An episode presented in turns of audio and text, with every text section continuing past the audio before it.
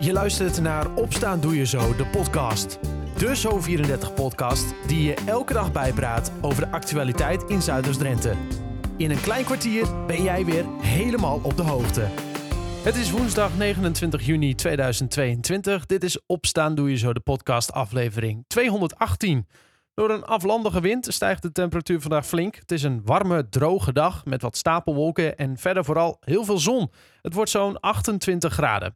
Met vandaag in het Zuidoost-Drentse nieuws. In het AZC van Terapel liep het gisteren weer helemaal vast. Dat meldt RTV Noord. Dat komt omdat de dag ervoor zich meer mensen melden dan normaal. Er werden dus nieuwe opvangplekken gezocht en ook gevonden in onder andere Utrecht. Zometeen meer nieuws uit Zuidoost-Drenthe en verder in de podcast hoor je reacties op de plannen voor de buffer bij het Bargerveen. Maar eerst naar Nieuw-Amsterdam. De Breehof al daar krijgt een nieuwe bestemming. De dak- en thuisloze opvang van het leger des Hels verhuisde twee jaar geleden van Nieuw-Amsterdam naar Emmen. Het was even de vraag wat er met de oude locatie moest gebeuren. Maar inmiddels wordt het pand verbouwd om er straks mensen in onder te brengen die lange zorg nodig hebben. Regiomanager Renate Harkema van het Leger des Hels vertelt erover bij verslaggever Rien Kort. Waar we met name tegenaan liepen voor de doelgroep maatschappelijke opvang is dat de voorzieningen erg ver uit de buurt zijn. Uh, je wil mensen zo snel mogelijk terug hebben in de maatschappij en dan is het belangrijk dat ze bij de voorzieningen zijn. Uh, dus Emmen was een betere plek. Um, de groep mensen die we hier graag willen huisvesten hebben langdurig zorg. Die blijven hier langer wonen. Um, en de zorgvraag die ze hebben kan zijn dat ze uh, begeleiding moeten hebben bij hun psychische beperking. Uh, we zien ook vaak mensen die somatisch wat slechter zijn. Daarvoor hebben we ook appartementen die daar apart voor gebouwd zijn. Zodat mensen met rolstoelen ook naar binnen kunnen. En nu er na ruim twee jaar weer wat gaat gebeuren in en rondom het pand... is het ook belangrijk om de buurt in te lichten. Voor hen is het namelijk weer een hele verandering. En daarom is die buurt inmiddels ook op de hoogte gebracht van de plannen. We zijn met de buurt in gesprek en er zijn mensen die vragen hebben. Maar we blijven altijd goed met de buurt in gesprek om uit te leggen wat we doen. En we willen ook gewoon laagdrempelig zijn dat mensen bij ons kunnen komen met vragen. Dus de, de buurtoverleggen zullen ook weer opgestart worden op het moment dat we hier het pand betrekken. De verbouwing van de Breehof kost ongeveer 3 miljoen euro. De verbouwing startte dit, begin dit jaar en eind 2022 kunnen de nieuwe bewoners er terecht. De verbouwing verloopt aardig goed uh, volgens planning. Zoals het nu lijkt, dan wordt het eind september opgeleverd. En uh, gaan we in oktober inhuizen en in november verhuizen. Al dus regiomanager Renate Harkema van het Leger des Hels. Meer over de verbouwing van de Breehof is te lezen op zo34.nl of in de app. Zometeen in de podcast hoor je reacties op de plannen voor recreatie rondom de nieuwe buffer in het Bargerveen. Dat is na het laatste nieuws uit Zuidoost-Drenthe. Aan de Nijbracht in Emmen is gisteravond een motorrijder gewond geraakt door een botsing met een personenauto. Het slachtoffer is door de ambulance naar het ziekenhuis gebracht. Medewerkers van de naastgelegen brandweerkazerne hebben eerst hulp verleend aan de motorrijder. De bestuurder van de personenauto kwam met de schrik vrij.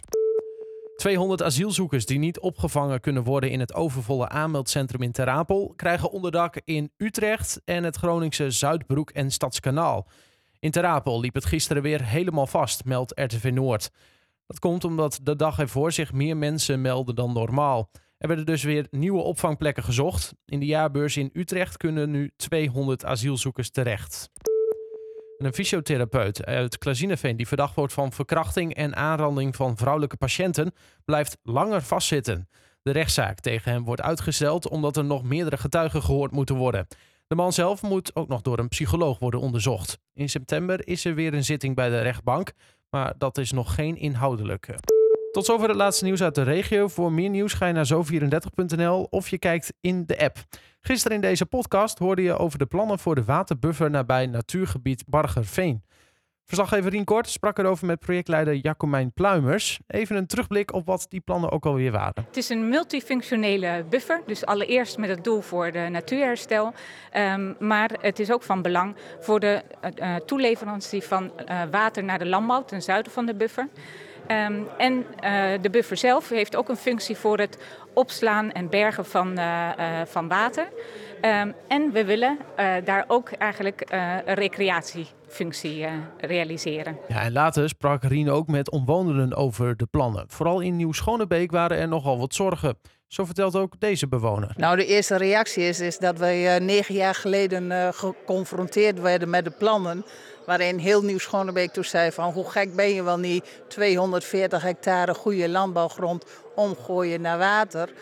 Maar de plannen zijn doorgegaan en langzamerhand is ook wel het besef gekomen dat het Bargeveen wel een vrij uniek um, gebied is.